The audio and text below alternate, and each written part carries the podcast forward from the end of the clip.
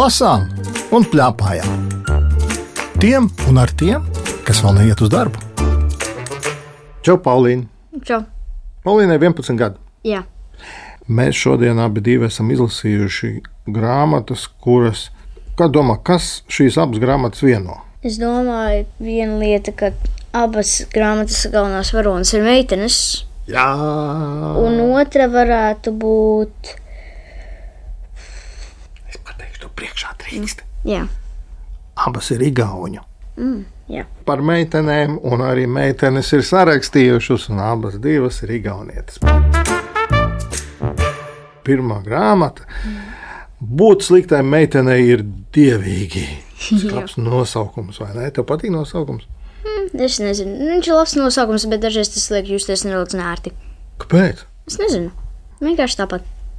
Interesanti. Šīs grāmatas autori ir Ketlīna Keldmā. Mm -hmm. Zīmējas bildes ir Jānis Rēmus. Tev tās bildes palīdzēja, nepalīdzēja, patika, nepatika. Nē, nu bildes bija ļoti labas, bet teksts bija interesantāks. Es izlasīšu, kas rakstīts aizmugurē. Jep. grāmatas. Stāsta notikumi risinās ap 1980. gadu. Padomju Igaunijā ir kāds parasts kolekcijas ciemats, ir kartupeļu lauki un cūku kūtis, ir deficīts, dažādu preču trūkums un neglītas skolas formas. Tā nav nekāda memīša pasaule. Lai šo vietu iepazītu, vajadzīgi rūtīti bērni. Un grāmatas galvenā varone Līja ir 11 gadus veca, apsviedīga meitene. Tieši tik veca, cik tu. Cik es zinu, tad tu jau šo grāmatu biji lasījusi pirms mēs piedāvājām parunāt par to. vai ne? Jā, kad es uh, lasīju, es dažas lietas atcerējos, bet lielāko daļu biju aizmirsusi, jo tas bija pasen. Saki, lūdzu, vai grāmatas paliek vecas, vai vecas grāmatas vērts lasīt? Grāmatas it kā pašas paliek vecas, bet es nedomāju, ka tas padara viņas neinteresantas. Nu, un tad, kad tu tagad otrreiz lasīji, tev bija kaut kas jauns atklājās. Jā, daudzas lietas es pa jaunu izlasīju, un viņas bija ļoti interesantas. Bet arī tās lietas, kuras es atcerējos, viņas arī likās nedaudz citādākas. Zini, kāpēc? Jo, ja tu izlasi vienu un to pašu grāmatu, kad tu esi vecāks, tev ir cita perspektīva. Tev ir pilnīgi taisnība. Es izlasīšu pašu sākumu, Jā, lai mūsu radioklausītāji dzirdētu, kā skan šī grāmata. Jo ok. tu vari piekrist tam, ka šī grāmata tiešām skan ļoti savdabīgi. Nu, jā, viņa ir unikāla. Bērnībā es biju liela muļķa. Nu, bet patiešām. Es jums izstāstīšu apkaunojošu stāstu par to, kāds muļķis var būt viens cilvēks. Un patiesībā man ir kauns to darīt. Attaisnojumam var pateikt tikai to, ka man toreiz bija apmēram 5 gadi, un par visu vairāk pasaulē garšoja riekstu kūka, un bija skaidrs, ka riekstus veikalā pilnīgi nekad nepārdod. Tie ir deficīts. Un tas, kur viņi dabū rīkstu kūkai, vispār nav saprotams. Tā tad rīkstu kūka manā pasaulē ir pat labākā lieta, un tāda tā ir tieši rīkstu dēļ. Un tālāk gan es nelasīšu. Man ļoti patika tā pirmā daļa. Kā mazā Līja atrada rīkstus, bet mēs nedrīkstam stāstīt. Jā, tas bija ļoti smieklīgi. Viss grāmata ir smieklīga vai nav smieklīga? Nu, dažas daļas nav tik smieklīgas kā beigās, kur bija par to slimnīcu, bet bija diezgan smieklīgi. Man likās, ka viss bija smieklīgi. Es pat lasīju, un man mājnieki teica, kas ir, ko tu smējies? Tu nolasīji kādu gabaliņu no tās grāmatas? Jā, es domāju, es nolasīšu par mazo saskunāzi. Jā, te laikam ir vēl jāpiemina tas, ka darbojās lielā māsa Līja, vidējā māsa Lotte un mazais brālis Sasks. Jā, Igauni vārdi. Tad, zināms, asociācijas, ne? No mājām tā Nu, nav jā. tā. ir kaut kas līdzīgs. Tu arī esi vecākā māsa šādā Jā. pašā kompānijā, vai ne? Nu, lasi. Pagājušajā nedēļā mums te bija tāds incidents, ka Saskas nagos nonāca nazis. Saskas nagos nonāca lielais varenais virtuves nazis. Pats lielākais un pats asākais, un, protams, viņam tūlīt vajadzēja sākt skraidīt ar šo nazi apkārt. Tik lepns viņš bija par to, ka viņa mazajās ķepiņās ir tik liela, varena un spīdīga lieta. Un mazs cilvēks jau tāpat vien apkārt neskraida, kur nu mazs cilvēks paņem uz grauda savas lielās māsas un metas tās trankāt. Bet, ja mazajam muļķajam brālītim rokā ir liels spīdīgs nazis, kas nu pat pirms pāris dienām uz eh, tecīlas ir uzasināts, tad lielajām māsām neatliek nekas cits kā bēgt no brāļa, lai šis nazis viņās neiedurtos. Tā neko. Bildi iedomājies, vai arī tu esi tādu pieredzējis? Es neesmu pieredzējusi ar nazi, bet brālis ir skrējis uh, pakaļ ar uh, metālā trubiņu. Tad jau tev iznāk, ka tev arī tādi stāsti ir, kā ir šeit. Jā. Saki, lūdzu, kas tev šķita visforšākais un visinteresantākais šajā grāmatā? Nu, man ļoti patika, kur viņi visi bija pilnā sastāvā un darīja nedarbus. It īpaši par to mājas sienu un slēpošanu. Tur bija ļoti labi. Labi, nu tagad mēs varētu paskatīties, ko Paulīna uzskata par labi. Es nolasīšu, kas Ok. okay. ir labi. Bija tā, ka bērni, es neteikšu ar ko, bet viņi noķēpāja sienu. Un tā bija kaimiņu mājas siena, nevis. Jā. pašu mājas siena. Un tad kaimiņi atnāca un teica, mums ir aizdomas, kā jūsu bērni to izdarījuši. Tas varbūt nebija tik mierīgi. Okay. Nu, tie kaimiņi saka, Jā. Nē, jautā tētis vispirms. Jā. Un kas tad uz tās sienas ir? Nu, kaut kādi pleķi. Kaimiņiem saka, es teikšu, nezinu, kas tas ir, bet smird drausmīgi. Māma ar stingru skatienu paskatās uz trim pēdām, galda sēdošiem bērniem, kur ar lielu interesi vēro durvīs notiekošo scēnu. Vai tas ir jūsu darbiņš? Nē, nav. Mēs trietā sakām, ka vienā mutē Lī, mamma paģēra. Mēs neko neesam darījuši, es saku. Lata, mēs pie viņa mājas neesam bijuši, Lata saka. Saskā, mēs neko neesam darījuši, saskā piespiedz. Nu, es tagad nezinu, mamma saka. Ja bērni apgalvo, ka viņi tur nav bijuši, tad viņi tur nav bijuši. Bet jums noteikti jāatnāk paskatīties, kas tur pastrādāts, kaimiņiem pieprasa. Ah, tēvs vēl mugurā jaku. Labi, es iešu paskatīt. Tas ir tas, kas Paulīnai patika. Ja? Jā. Tā tad par blēņām neko neatzīties. Mm. Tas tāds zelta likums. Nē. Par tādiem zelta likumiem ir šajā, šajā grāmatā rakstīts. Droši vien, kad eh, kādam, kas izlasa, saka, oi, tas par 80. gadu. Kad tas bija? Tas bija māja pirms mūsu dzimšanas. Vai tev tas traucēja vai netraucēja? Tas netraucēja īsti manai māsai, kad eh, ir kaut kas eh, nu, tā kā sanāk lietas, tad viņi saka, ka tas esot vecmodīgi. Bet es nedomāju, ka tas ir vecmodīgi. Tas vienkārši, jā, tas notika pirms tevis, bet tas nenozīmē, ka viņš joprojām nevar būt labs. Tas nozīmē, ka cilvēki jau neko daudz nemainās. Mainās varbūt nu, tur mašīnas, Jā, mājas, drēbes. jā. Bet uh, cilvēki jau palika tādi paši. Mm. Saki, lūdzu, kā tava grāmata atšķirtos no šīs grāmatas ar vienu lietu, ar vienu ļoti, ļoti būtisku lietu? Man šķiet, ka ja es to grāmatu kā nu, pārakstītu kaut ko, es visticamāk tur pievienotu kaut ko, kas ir arī tagad. Nu, piemēram, nu, jā, tā kā elektronikas varbūt. Un uh, nu, vienkārši kaut ko kā samiksēšu ar tagadēni, lai varbūt būtu nedaudz, nu, es nezinu, tā kā interesantāk bērniem, kas ir nedaudz jaunāki. Lai viņi uzreiz atpazītu, jau tā ir mana dzīve. Es jā. staigāju ar mobilo visu laiku. Jā, apkārt. lai viņi, ne, lai viņi tā kā varētu kaut ko atrast kopīgu ar to grāmatu. Es nezinu. Mm. Pajautāsim, ko tā mamma domā par šo grāmatu. Jā. Tagad tieši tie mūsu jaunieši ir precīzi tajā vecumā.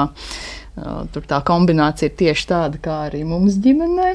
11, nu, tur man liekas, tai lotai nav vecums norādīts, un mazais brālītis, piecgadnieks. Līdz ar to tās situācijas nu, ir tādas stipri atpazīstamas mums arī. Tās vienmēr ir tādas foršas grāmatas, uh, kur tos uh, sadzīves un attiecību modelīšus un situācijas var atpazīt un uh, redzēt, ka tas ir visos laikos un, un visās valstīs tās uh, bērnu attiecības savā starpā un ģimeņu attiecības jau nekas tur daudz nav globāli mainījies un, un nevar ieiet tik ļoti.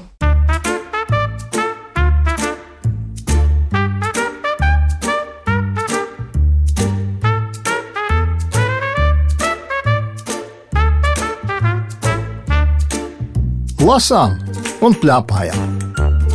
Tiem un ar tiem, kas vēl neiet uz darbu. Mūsu šodienas otrā grāmatā tās nosaukums ir Kā mans tētis atrada savu sievu. Tās autore ir Rēlija Reinausa un zīmējumu zīmējusi Mārija Līsa Platsa. Kā tu varētu teikt, vai šī grāmata atšķirās no iepriekšējās, vai neatšķirās? Viņa atšķiras ar to, ka viņa notiek nu, tuvāk mūsdienām, es teiktu. Tas jā, bet viņa ir tikpat smieklīga, mazāk Es smieklīga. domāju, ka viņa ir nedaudz vairāk smieklīga. Vēl vairāk smieklīgi. Jā, interesanti. Man liekas, pirmā grāmata vairāk smieklīga, bet šī arī ir pilnīgi noteikti smieklīga. Ja tu izlasīji nosaukumu, tev jau šķita jau smieklīgi. Es nedomāju, ka tas pēc nosaukuma ka tas būs smieklīgi. Es vienkārši domāju, ka tur būs noteikti daudzi mēģinājumi. Jo kā var uzrakstīt grāmatu, ja tev ir tikai viens mēģinājums? Tur īstenībā nav interesanti. Kā atrast ja, to, to sievu. Bet, nu, dīvaini jau situācija ir, vai ne? Mm -hmm. Tu tam mēģināji arī savā nodarbā, pirms tu lasīji, hmm, kā tas varētu būt. Mēs jau domājam, vai ne? Jā. Paši savas versijas. Nu, un tā versija saskanēja ar to, kas ir grāmatā. Mm, Nē, negluži nesaskanēja. Negluži. Es izlasīšu aizmugurē, kas rakstīts, lai gan Ok. okay. nosaukums jau, protams, izsaka ļoti daudz ko, un- bet aizmugurē rakstīts tā. Keita ir 12 gadus veca. Nu, dzīvo kopā ar tēti Stenu un Labradoru Fredi. Keitas māma nomira, kad meitene bija pavisam maza. Kādu dienu tēvs paziņoja, ka vēlētos apprecēties vēlreiz un lūdz meitai palīdzību atrast īsto sievu. Tētim piemērotas sievas meklējumos abi piedzīvo virkni komisku starpgadījumu. Jā, tur bija daudz starpgadījumu. Kas tev šķita vissmieklīgākais starpgadījums? Es domāju, ka vismieklīgākais bija tā sieviete, kas atnāca ar saviem pieciem bērniem, un tad viņi tur demolēja virtuvi zombiji un pirāti. Tur bija daudz. Jā, jā, jā, jā mums tur jāpasaka, ka, nu, protams, tieši tā kā Paulīna saka, tēti sāka izvēlēties. Un tad nu, bija dažne dažādas. Tad bija draudzenes ar suni, tad ar tiem pieciem bērniem.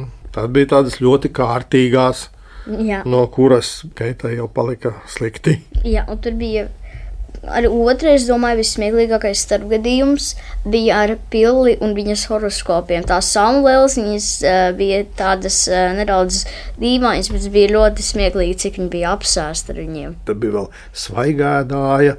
Vēl tāda, kas pārgājienos veida, nu, katrā ziņā nu, ir tik, tik daudz. Dažni dažādi. Man bija ļoti aizraujoši, man te jāatzīstās. Tad varbūt ka šī grāmata, kā tu domā, varētu būt arī vecākiem. Jā, es domāju, ka viņi noder vecākiem, bet noteikti nevajag izmantot kā pamācību. Jo Jo tur bija ļoti daudz kā, neveiksmes, un es nezinu, vai. Es domāju, ka vajag, ja tu, ja tu lasi to grāmatu, neizmanto kā viņa pamācību, bet vienkārši kā motivāciju. Es nezinu. Nu, jā, bet nu, varbūt no kļūdām mācās. Nu, jā, Tas tāds kļūdu apraksts, un tad ir kļūdu labojums. Atkal, lai zinātu, kā grāmata skan, es izlasīšu mazu gabaliņu. Ok. Bet vai tu maz zini, kādu sievu gribi? Katram gadījumam pajautāja. Šķiet, ka mans entuziasms ir daudz lielāks nekā tēta. Nu, labu, protams, viņš nomurmināja. Nu, bija patīkami zināt, ka tētis negrib vest mājās ne filmās redzēto ļauno pamāti, ne kādu dusmīgu skolotāju vai raganai līdzīgu briesmoni. Laba sieva ir laba izvēle, es augstsirdīgi apstiprināju. Bet tad man atkal pārņēma bažas. Sapratu, ka tētim nav ne jausmas, ko viņš meklē un kādu sievu grib atrast. Šķita, ka jāņem grožu savās rokās, vai vismaz process jāpatur acīs. Manuprāt, tev vajadzētu izveidot sārakstu ar vēlamajām sievas īpašībām, es ieteicu. Nu, pasaki, kad būs beidzis, tad domāsim tālāk. Un tā tik tiešām arī notiek tālāk. Droši vien, ka mēs atkal varētu par šo grāmatu runāt gari un plaši, bet ir dažas lietas, par kurām man tagad gribētos papļāpāt. okay. Piemēram, par to, kur tētis pirmo reizi iet klāt sievietēm un mēģina iepazīties. Atcerējos sievietes skatienu brīdī, kad tētis viņu uzrunāja. Tagad viņš šķita gandrīz tikpat izmisis. Nekās, nekās, darbs dara darītāji, tēti mierinot atkārtoja zināmo teicienu. Vai man mēģināt vēlreiz? Tētis bažīgi paskatījās uz manu kūku gabalu, bet es to notiesāju dažos kumosos, un mēs atkal devāmies uz izstādi. Nākamās trīs vai četras stundas tētis klīd no vienas zāles uz citu un tvarstīja vientuļās sievietes. Centos neievērot, cik muļķīgi tas izskatās. domāju par to, ka tēvs būtu laimīgs, ja kādu sev atrastu. Saka, lūdzu, kā ir ar vispār ar iepazīšanos? Tu kādreiz domāji, ej, kur ir interesants cilvēks, es gribētu ar viņu iepazīties. Mm, es domāju, tas varbūt nav kā, vienkārši ejot uh, pa ielu. Es domāju, ka tas bija vairāk tad, kad es sāku iet skolā vai jaunā pulciņā. Tu esi kādreiz tā pati gājis klāt un no nu, čau. Jā, tas bija pirmajā klasē un pulciņos. Nu, varbūt laukumiņā, kur uh, kaut kur spēlēties. Tad uh, es vienkārši pieeju, pasaku, čau, čau. Un tad es vienkārši pajautāju, vai tu gribi ar mums paspēlēties, vai tu gribi draudzēties. Un tad viņi parasti saka, jā, tad mēs uzzinām, kādi mums ir vārdi, kurā klasē un skolā mēs ejam. Varbūt uh, kāda ir mūsu mīļākā krāsa. Un tad mēs vienkārši paspēlējamies. Bet tu esi baigi drosmīgā.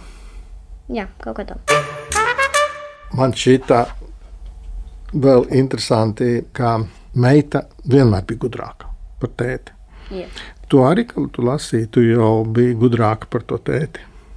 Laikam, jā. Tu arī cerēji, ka viņš atradīs, vai tu domāji, nē, nu viņam nekas nesnāks. Es uh, cerēju, ka viņš atradīs, es godīgi sakot, tai sievietei ar sunu. Es patiesībā domāju, ka viņi varētu satikt kopā. Aha, tu jau novēlēji šai sievietei, ja to tēti. Nē, es vienkārši tā domāju, ka varbūt tā būs. Patiesībā, ko mēs darām, lasot šo grāmatu? Mēs paši domājam, hmm, vai tas dara, vai tas nedara, vai tas iet kopā, vai tas neiet kopā. Bet, zini, man vēl vienu vietu gribētos nolasīt un parunāt ar tevi, tāpēc, ka mēs runājam tā ārkārtīgi racionāli un prātīgi, bet te ir tāds kapeliņš. Tēti, vai tu zini, kas ir mīlestība? Nedaudz mainīju sarunas tematu. Tētis nopūtās. Nesaprotu, kāpēc mīlestība cilvēkus vai nu samulsina kā meritu, vai arī liek nopūsties kā tētim. Par mīlestību taču varētu runāt priecīgi un gaiši. Kad es biju kopā ar tavu māmu, tad, manuprāt, es zināju, kas tā tāda ir tēta stāstīja. Bet tagad es nesaprotu, vai es esmu vainījies, vai arī mīlestība kļūst citādi, bet tagad ar to ir kaut kā sarežģītāk. Kā tev šķiet, tur ir kaut ko ir par mīlestību jārunā, ka meklē to sievu vai ne? Mm, nu, viņš domāja, ka viņš zina, kas ir mīlestība. Tad, kad viņš bija ar savu sievu, viņš saprata, ka tā ir tā kā, nu, īstā, bet tad, kad viņas vairs nebija, viņš bija noteikti apmulsis. Jo, nu, ja tu atrod to īsto un viņa vairs nav, tad uh, ir diezgan grūti saprast, kurš ir otrs. Nu, Tad varbūt mīlestība ir tad, kad tu nedomā un nesāc spriest un domāt. Jā, mīlestība ir tad, kad tu vienkārši pasties uz kādu un tu zini, ka Vai tas ne? ir. Man liekas, šajā grāmatā ir samērā daudz par to. Jo beig beigās to jau mēs varam teikt, ka laimīgi beidzās. Mm Mhm. -hmm. Un tā atrašana bija tieši tāda, ka viņš nedomāja nemaz. Jā. Interesanti, vai tā māma arī pievienojās. Tur ir visa tā asprātīgā raksturu daļa un, un forša iespēja arī bērniem, manuprāt, iepazīt to cilvēku dažādos raksturu variantus un, un dzīves stilus. Un tā, un tas, kas manī aizkustināja, ka tur ir tik skaisti neierakstot, ierakstītas tās tieši meitas un tēva attiecības, un arī nu, tā smeldzīgā nots par to, ka viņi ir divatā, un par to, ka tas tēcis ir arī kaut kādā ziņā tajā meitā atradis to savu atbalsta punktu. Vēseles radinieku vai to cilvēku, pie kura viņš varbūt atļaujas atklāties nedaudz vairāk, kā varbūt parastā ģimenē, un tas tā kā caurstrāvo tos viņu dialogus un sarunas. Un, uh, Man liekas, tas tā fēni, meistarīgi. Tu par to kaut kā speciāli neuzsverot vai, vai neafišējot, ka tas tur man tās vīd cauri ar tādu sirsnīgu smeldzīti mazliet par to, ka tomēr tā meita ir jau tāda lielāka 12 gadniece nekā varbūt kādā citā ģimenē. Ar Paulīnu runājās Lauris Gundars, raidījuma redaktora Agita Bērziņa, skaņu režisori Valdis Raitums un Kristīna Delle. Raidījumu vēlreiz klausies Latvijas radio lietotnē, mājaslapā un arhīvā. Tiekamies!